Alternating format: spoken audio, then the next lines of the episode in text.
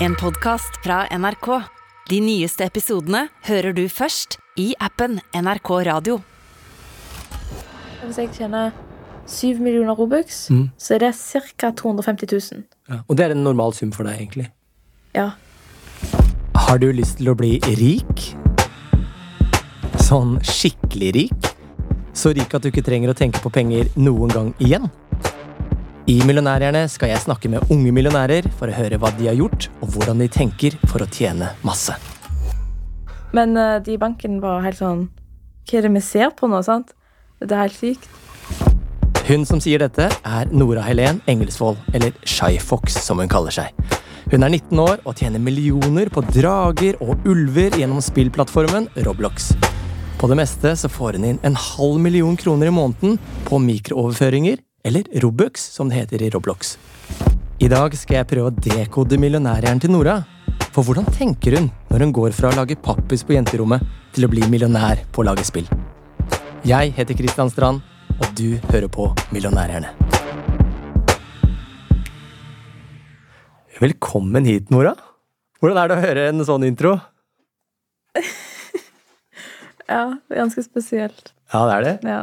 Du, eh, her i Millionærhjerne så kjører vi egentlig bare rett på med noen raske spørsmål. Er du klar, eller? ja. Hvor mye er det du har på brukskontoen din akkurat nå? Uh, ikke mye. Vent, jeg har ikke sjekka. Jeg kan dobbeltsjekke. Ja, ta sjekk. Ja. Er det sånn at du ikke vet? Du har ikke helt oversikt over det, det er liksom Enten er det mye eller lite. Det er helt samme, egentlig. Men jeg har 151 000 akkurat nå. 151 000? Ja. Det er mye for en 19-åring å ha på brukskontoen, da. ja. det er det. Ok, eh, Hva er det rareste du har brukt penger på? Åh. oh. Kanskje en gigantisk uh, svane med seks seter oppi. En stor sånn uh, ting som du har på vannet. Jeg vet ikke hva det heter. Sånn floaty greie. en gigantisk svane med seks seter. Ja, den koster 3000-4000 år. Hvorfor kjøpte du det? Hvorfor ikke? Hvor gammel var du da du tjente din første million? Og husker du hvordan du feira da? Jeg visste ikke om det. Hvordan går det an å ikke vite om det? Fordi at mor mi hadde kontoen. Og vi fant aldri ut av hvordan jeg fikk tilgang til den kontoen. Så det var nesten for det beste, da. Og så fikk jeg eh, 1000 i ukepenger når jeg gikk i 10. klasse. Men hvordan skjønte du at du, at du hadde tjent din første million? da? Hun fortalte meg av og til at det ble mye, og det var mye kødd med sånn skatt og sånt, fordi at jeg var jo under 18. Og jeg kan jo ikke tjene så mye når jeg er under 18.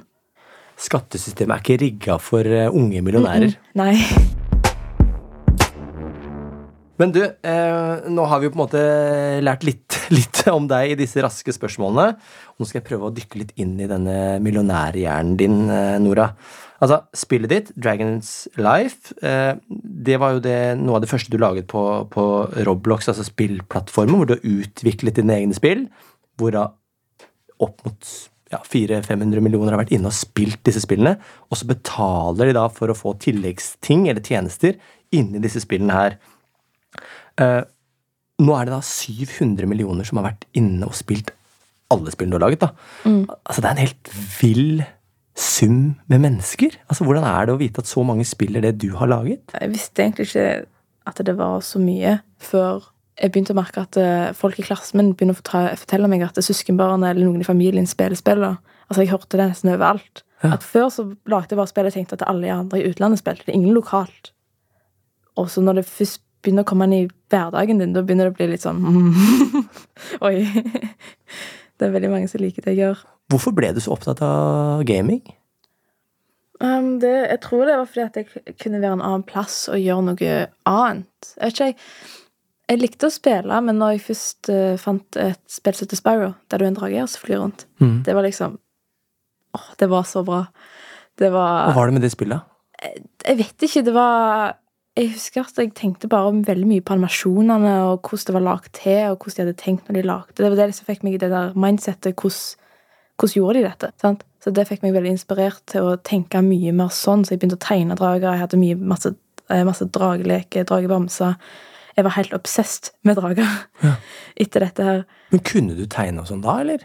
Jeg tegnte hver dag på skolen. Ja. Og eh, alle klagde på det. Så De klaget på at du tegna for mye. Ja, jeg tegnte hele timen. Jeg fulgte ikke med på hva som skjedde. så ja, det gikk utover skolearbeidet mitt veldig mye.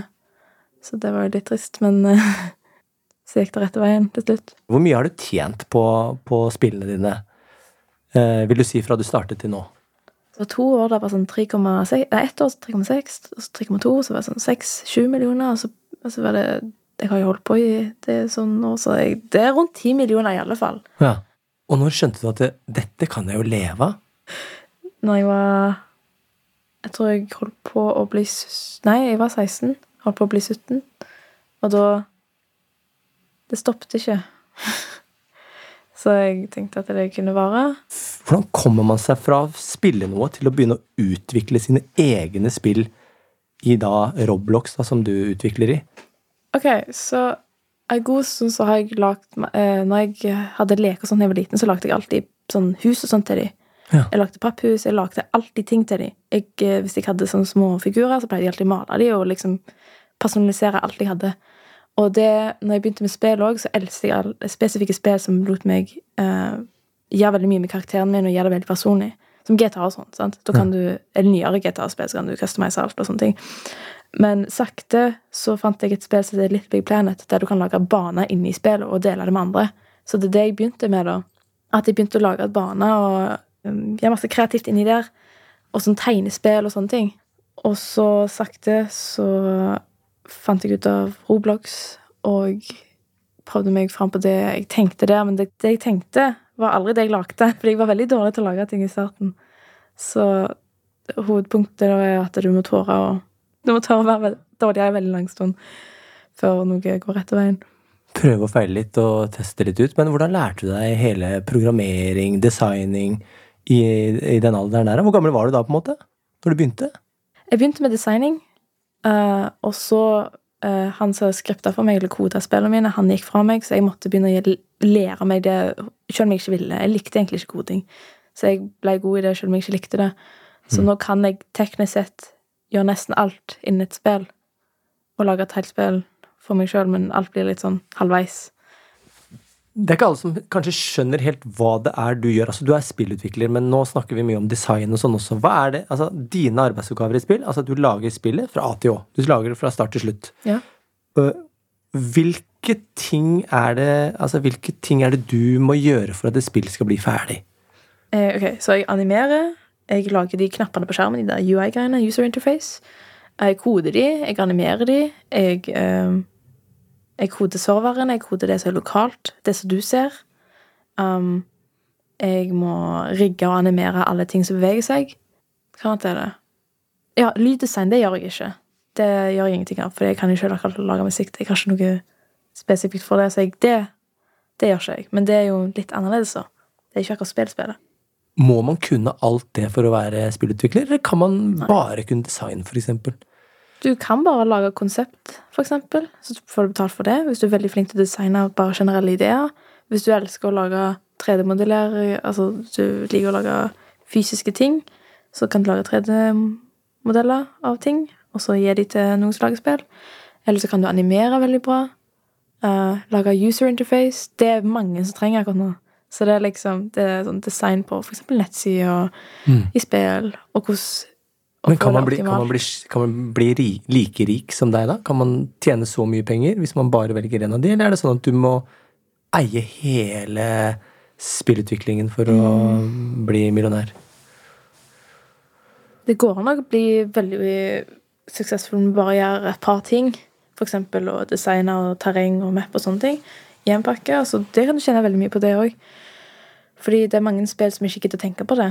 Og da gir de deg ekstreme summer for å få det. Og noen ganger så betaler de òg prosent av det eh, spillet tjener etter, eh, i etterkant.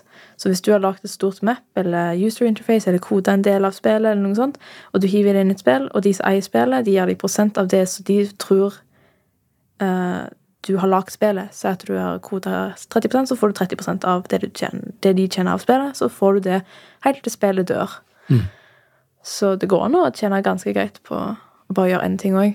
Men forklar, forklar litt grann hvordan det egentlig funker, altså hvordan du egentlig tjener penger på disse spillene. Fordi eh, de som har spilt i Roblox, de vet jo at inni Roblox så finnes det en hva skal vi kalle det, en valuta som Ja, heter Robux. ja, Robux, som du kan kjøpe ting i. Ting med. Ja. Hvordan er det du får penger ved at folk gjør det? Det er når folk kjøper ting. Inni spillene? Ja. Hvordan da? Eh, de, de går inn, de spiller, har det kjekt. Bare, vet du hva, jeg vil fly. så kjøper de vingene, og så flyr de rundt med de, og så likte de det, og så har de sier at de har lyst å ha lysende øyne, så kan de kjøpe det. Så at de kjøper noe for 100 Robux, jeg får 70, det går inn i gruppa mi. Jeg betaler det til min bruker, og betaler det ut gjennom en annen portal. Så får jeg det inn på AS-et mitt, så får jeg det i lønn. Ja. Uh, og du må bli akseptert til å gjøre det, så du må liksom være litt oppe det. Uh, være ganske god å lage spill for å få lov til å ta ut penger. Men hvor mye er en, uh, en Robux kontra en norsk krone, da? Jeg vet ikke egentlig hva den raten er akkurat nå, men så jeg, jeg tror sånn cirka hvis jeg tjener 7 millioner Robux, Mm. så er det ca. 250 000. Ja. Og det er en normal sum for deg, egentlig. Ja. Hvor mye Robux har du nå, for eksempel? Uh, jeg, jeg tipper jeg har rundt 6 millioner akkurat nå.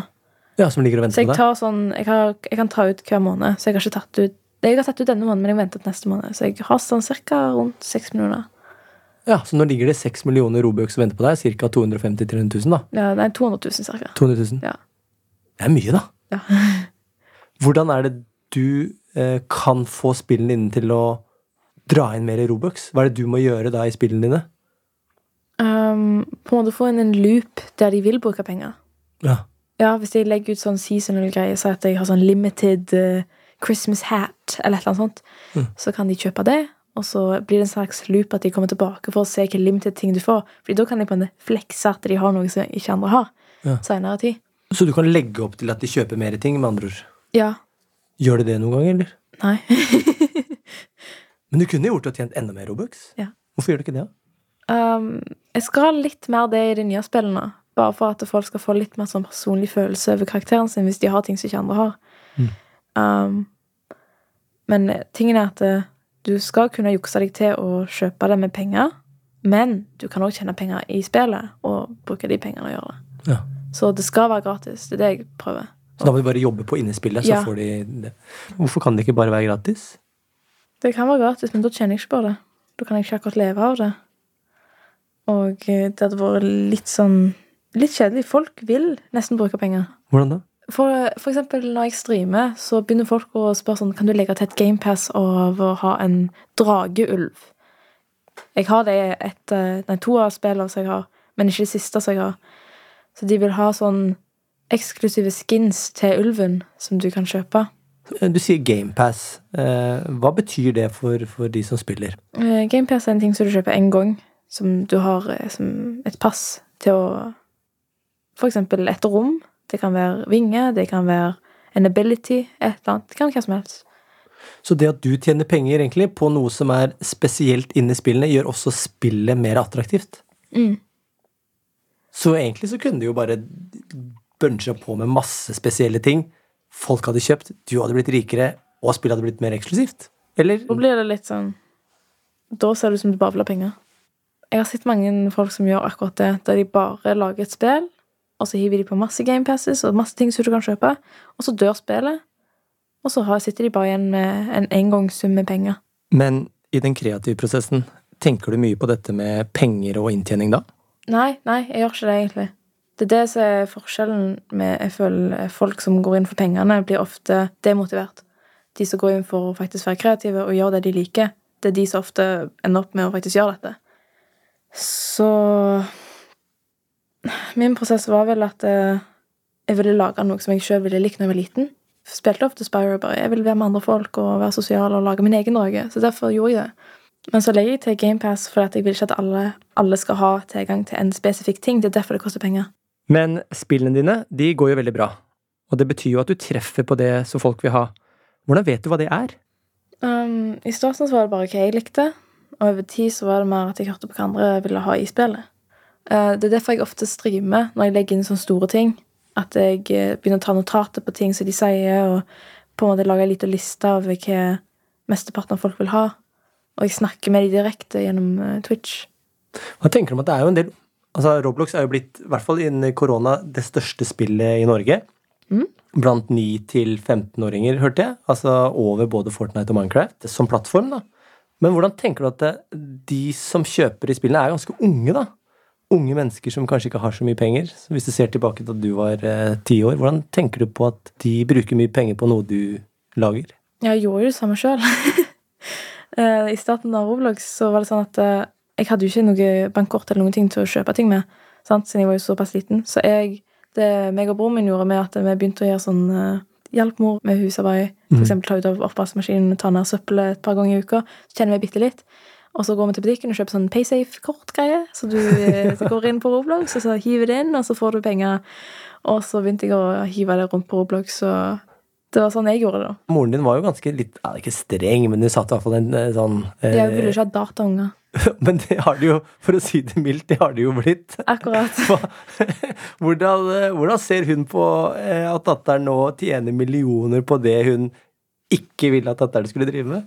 Jeg tror ikke det er spesifikt Nei, hun har alltid sagt at hun vil ha kreative unger. Så det ble på en måte bare en annen vei å være kreativ for. Så hun er helt ok med det nå. Men på en måte prosessen til å bli det, så var ikke helt ok.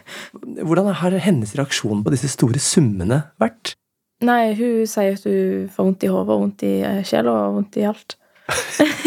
Hvorfor det? Nei, hun eh, Altså, vi har aldri vært ganske rike eller noe sånt, så vi har vært ganske fattige gjennom tida, så hun bare sitter der bare OK. Hvordan var det å vokse opp med, litt, med, med lite penger, da? Egentlig var vi veldig heldige med hva vi fant for pengene. Så vi var veldig heldige med hvordan vi har bodd i forhold til hvor lite penger vi hadde. Vi bodde i et veldig fint lite nabolag. Um, men så flytta vi vekk fra det nabolaget, og så var økonomien veldig vanskelig. Og jeg bodde veldig rart. Jeg hadde sånn et halvveis soverom en god periode. Jeg hadde nesten ikke vegger. Det det var veldig rart. Vi bodde i et atelier. Det var et veldig gammelt hus med et hus, og så var det sånn eh, et stort atelier som mor mi brukte til å male i. Men så var det mye kødd med huset og bodde i det andre huset, så vi kom oss ut i atelieret og bodde der istedenfor. Men så var det veldig sånn halvveis alt. Så jeg bodde ganske rart ei veldig lang stund når jeg holdt på å lage spill, egentlig. Men hvordan merket du at dere hadde lite penger? Uh, ja, nei, jeg merka iallfall spesielt at mange andre venner hadde mye mer enn meg. Altså, De hadde ofte kjempemye leker, og de reiste for ferie. Det meste jeg hadde vært på ferie, var Danmark. Ingenting annet eh, gjennom hele oppveksten. Så når andre venninner og sånt reiste ut til masse turer i Spania og sånne ting nesten hvert år, så skulle de et eller annet. Selvfølgelig var jeg sjalu, men egentlig så nå så tenker jeg at jeg var litt heldig at jeg ikke hadde sånn liv. Var det vanskelig, syns du? Det var vanskelig å se andre ha det sånn, men jeg hadde det fint sjøl uansett. I ettertid så fant jeg ut at eh, mesteparten av folk syns jeg òg hadde det kjempekult at jeg hadde en kunstner som mor og bodde i så kult, i, rart hus, liksom. Og jeg synes jeg var sjalu på de at de hadde et normalt hus. Et, et normalt liv. Sant? Så det gikk begge veier. Men hvis du nå skal tenke at nå tjener jeg 350 000 i måneden, og ser tilbake på det, altså har ting Har du eller noe endret seg? Jeg får litt mer press på meg, eksempel, å ta vare på andre i familien, eksempel. Så jeg føler jeg har sånn uskreven avtale å hjelpe. ja. Hvordan er det som 19-åring, da? Veldig mye. Det, det føltes Det føles ut som at eh, voksne skal jo ha peiling på det de gjør sjøl. Men de er jo De er jo folk, de òg. De òg trenger hjelp. Hvordan er det i forhold til venner og sånn, da? Det var ganske komplisert i starten. Det var det. Fordi at jeg var, en, jeg var jo 16 når jeg kjøpte leilighet. Ja. Uh, så da bodde jeg jo alene når jeg var 16 og 17 og 18. Um, og det er jo ikke så lett når du har andre 16-åringer rundt deg som eh, ikke har det greit hjemme, og vil ut og på andre ting. Så det ble ofte at det var mye folk hos meg, og det ble mye styr og ja. Så, men nå har jeg jo masse rom i huset, så jeg kan bare ha de, ha de der. Så driver hotell? Ja. Men hvordan var det å kjøpe den første leiligheten, da? Hvordan var det? Hadde du lån på den, eller? Nei. Så da casha du inn? Ja. Med Roblox-penger? Ja. Eh, Det var litt spesielt siden jeg var jo 16, så jeg kunne jo teknisk sett ikke kjøpe en leilighet. Men fordi at mor mi eide leiligheten før meg, så var det greit. Men eh, de i banken var helt sånn Hva er det vi ser på nå, sant? Det er helt sykt.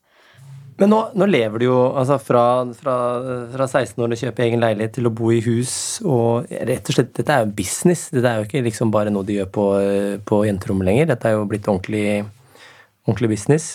Altså, Spillutviklerhverdagen og livet, er det litt ensomt, eller? Ingen forstår. Ingen forstår.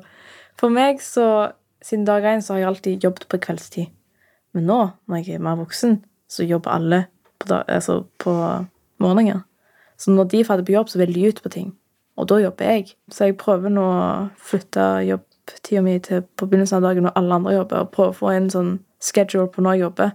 Og da blir det mye mer seriøst igjen, og da føles det ikke som, det føles det ikke ut som en hobby lenger. Nei. Så begynner det å føles ut som en jeg må gjøre det.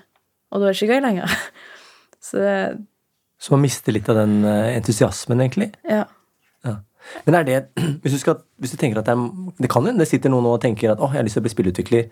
Er det et Er det noe å anbefale å sitte på kvelden, eller vil du si at ikke gjør det? Prøv å finne en Hvis du har en normal jobb eller skole, så ikke, ikke helst ikke gjør det.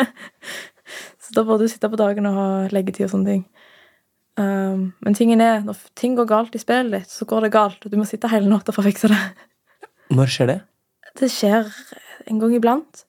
Det er at eh, plutselig Roblox har oppdatert noe, så ødelegger hele spillet ditt, og du forstår ingenting. Hva gjør du da? Ja, da sitter jeg helt til jeg fikser det. Jeg har en sånn konstant følelse at jeg må alltid jobbe. Hæ? Altså Hvis jeg ikke jobber et par dager, så føler jeg meg veldig dårlig. Og hvis jeg tar meg fri ei uke, eller hele planen min for å jobbe går i dass denne uka, og jeg ikke jobber i det hele tatt denne uka, så føles det skikkelig feil. Ja. Og jeg føler meg veldig disconnected fra spillet mitt. Og jeg føler ikke at det er en stor del av Det er jo hovedsakelig derfor jeg lever som jeg gjør. Og hvis jeg ikke gjør det, så føles det veldig feil. Men hva gjør du for å senke eh, presset på deg selv, da? Masse inspirasjon. Jeg jeg har en plan hva jeg skal gjøre. Jeg gjør det. Og når jeg har gjort det, så er det på en sånn avhuk. Ja, når jeg har gjort det. Og så da føler jeg meg god igjen for en liten stund. Da kan jeg liksom ha en liten pause for å jobbe. Fra å jobbe, mener jeg. Og så kommer den der Ja, men jeg må gjøre det. Og så avhuk, og så er det greit. Hvordan er det du tenker nå når du skal eh, utvikle det spillet og nye spill videre for at det skal bli suksess? Hva tenker du er det viktigste du gjør? Altså Én ting er jo at du skal prate med, eller ta innspill fra de som brukerne, da. Men for å opprettholde suksessene, liksom, som det du har blitt, Um, det jeg tenker mest i det siste, er at eh, ja, jeg kan lage et spill 100% på det jeg kan nå, men det er ikke nok til å holde opp med trendene som går, så jeg må alltid Det er så mye nytt som skjer hele tida. Altså, jeg kan lage spill som jeg gjorde i 2018, men det er jo ikke sånn det funker nå. Så tingen er jo at jeg må fortsatt lære og lære og lære og lære, uansett hva. hvordan er det du lærer, da? Før så gjorde jeg animasjoner inn i Roblox, og nå importerer jeg karakterene inn i Blender, hvis du vet hva, sånn 3D-modelleringsprogram. Okay. Der du kan animere og lage spill og litt sånne ting. Mm. Jeg hiver de inn der og animerer, der, animerer de der istedenfor, og så hiver jeg det tilbake igjen. Så jeg har lært meg sånne andre metoder å gjøre ting på, for å gjøre det lettere for meg sjøl. Sånne ting gjør jeg hele veien. Der jeg prøver å få ting mer effektivt. Og det tar mye tid. Så du prøver hele tiden å utvikle deg og din stil og Ja. kreativitet, men også for å følge med på hva som er utviklingen, egentlig? Ja. Jeg tror det er Hver uke så får jeg mail om at et eller annet nytt har skjedd i Roblox, så jeg må følge med på. så det er sånn masse nye ting i måten du kan skrifte på. Um, nye features i Roblox så jeg kan utnytte. For eksempel nettopp kom det sånn at det dynamiske sånn eh, skyer og vær. på en måte. Så det har ikke skjedd før, så nå må jeg legge det inn i spillene mine. Så det er sånn masse småting som jeg hiver inn hele veien. Jeg syns det er veldig viktig for unger å ha en sånn, sånn spill å komme inn i. Fordi når jeg var Si at jeg var 11 når jeg begynte med Roblox å spille, da. Ikke lage spill. 11-12. Så når jeg sprang rundt og spilte online-spill og sånne ting, så følte jeg at jeg hørte til der mer. At jeg klarte å relatere meg mye mer til andre spillere. Så det var ganske godt å ha det. Fordi det gikk jo ikke bra på skolen. Så det var liksom en liten utvei. Ja, du droppet jo ut av skolen. Hvorfor var det riktig for deg? Det er en grunn til at jeg heter Skei Fox. Ja. Jeg var Jeg klarte ikke å snakke, jeg klarte ikke å ha presentasjoner, jeg klarte ingenting. Jeg var så tilbaketrukken, og jeg klarte ikke å gjøre noe stort ut av meg sjøl. At jeg var veldig Hadde lite sjøltillit og Jeg faktisk bare klarte ikke å snakke høyt. Det var helt umulig for meg. etter skolen så åpna stemmen, seg opp, og jeg, klarte, jeg klarer noe sånn småsnakk med folk på tur, og jeg klarer å snakke uten masse problem. At jeg har gått over masse sånn personlige hinder for meg sjøl, fordi at jeg var veldig ukomfortabel i skolen. Og nå er jeg ikke så veldig ukomfortabel lenger. Så nå har masse i meg åpna seg opp til eksempel, jeg hadde aldri tort å stått foran et publikum, og nå, uh, i siste har jeg stått foran klasser på skole og sånne ting, og holdt foredrag. Og nå skal jeg snart på en konferanse med, med 500 folk. Sant? Så liksom den, det hoppet der hadde jeg fire, to, tre år Jeg vet ikke, før iallfall, så hadde jeg aldri klart å forestille meg det. Men nå, etter jeg har fått mer eh, selvtillit etter å droppe ut, så kan jeg gjøre sånne ting. Så før du droppet ut, så hadde du aldri turt å sitte her i Millionærhjerne? Nei. det var bare nei.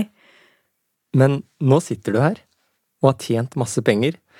Hva er det neste du har lyst til å kjøpe? Nei, fortsatt bare pusse litt opp hjemme. um, motorsykkel. Og etter hvert så prøver jeg å samle opp masse penger til å bygge et hus. Ja. Svømmebasseng? Heller lite strand. Det hadde kledd deg. Ja. Hvis noen nå sitter og tenker å, vet du hva, det jeg har hørt i Millionærerne, og det Nora forteller, det jeg har lyst til å begynne med. Jeg har lyst til å bli spillutvikler. Jeg har lyst til å tjene millioner på noe jeg elsker. Hva burde jeg gjøre? Først finne ut akkurat hva spill du liker, og hva spill du tror mange mangler. Så bare gjør det. Simpelt, bare gjør det. Hvis det første spillet går i dass, det går fint. bare prøv igjen. Helt til et eller annet funker. Altså, hvis du gir opp, så kommer du ingen vei uansett. Og hvor mye bør man tenke på at man skal bli rik på det? Ikke i det hele tatt. Det skal være fordi du liker det. Helt til slutt, hvis du skal prøve å oppsummere eller definere hva som gjør deg til en millionær altså hvorfor har du tjent så mye penger? Det jeg tror at siden jeg har vært sånn veldig lenge, det har jeg alltid lagd ting. Alltid lagd ting. Hvis jeg ikke lager noe, så blir jeg lei meg. så for meg så var det alltid visuelt Visuell uh, kreativitet og tegning og Noen er veldig mye, mye mer logiske. Altså veldig logisk på tenk, tankegang og matte. Altså, kanskje de ikke er flinke i matte heller. Jeg var helt bås i matte, men jeg klarer fortsatt kode. Så det går jo fint. Det var bare, jeg ville kode, jeg ville ikke matte. Så du må ville gjøre det. Så hvis du tror du er veldig logisk i hodet, så kan du begynne å kode. Hvis du tror du er veldig visuell, så kan du begynne med det. Hvis du er veldig inspirert av f.eks. måten ting går på, eller er mennesker, f.eks. måten de beveger seg på, så kan du bli en eh, eh, Hva det? Animatør? Nei, er det det? Ja. Det er masse sånne småting inni spillutvikling som du kan være, og du kan fortsatt få deg jobb på en måte i noen andre sitt studio og tjene godt. Så du trenger ikke gjøre alt sjøl som jeg gjør. Ja. Du, Nora, tusen takk for at du kom og delte din millionærhjerne med oss. Ja, vær så god.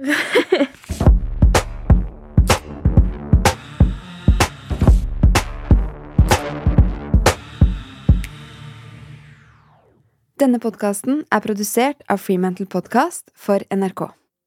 Den er laget av Anna Cappler, Espen Rogne og Annie Ostrø. Programleder er Christian Strand, og ansvarlig produsent for Freemetal er Mira Khan. Prosjektleder i NRK er Halvard Jacobsen, og redaktør er Randi Helland. Du har hørt en podkast fra NRK. De nyeste episodene og alle radiokanalene hører du først i appen NRK Radio. En podkast fra NRK. Dette er I dødens spor. Hvis det har vært kamp mellom uh, offeret og gjerningsmannen, så kan det være hudavskrap under offeret uh, sine negler. Du kan lyge så mye du vil, men sporene avslører jo sannheten. Og det er tatt bilder, sånn CT-bilder, uh, på forhånd som vi har sett på. Så vi kan f.eks. allerede på CT-bildene se at her ser det ut som det er blod i brysthulen. For eksempel. vi skal snakke med etterforskerne og ekspertene og alle de som kan gi oss svar på hvordan drapssaker blir oppklart. I dødens spor hører du først i appen NRK Radio.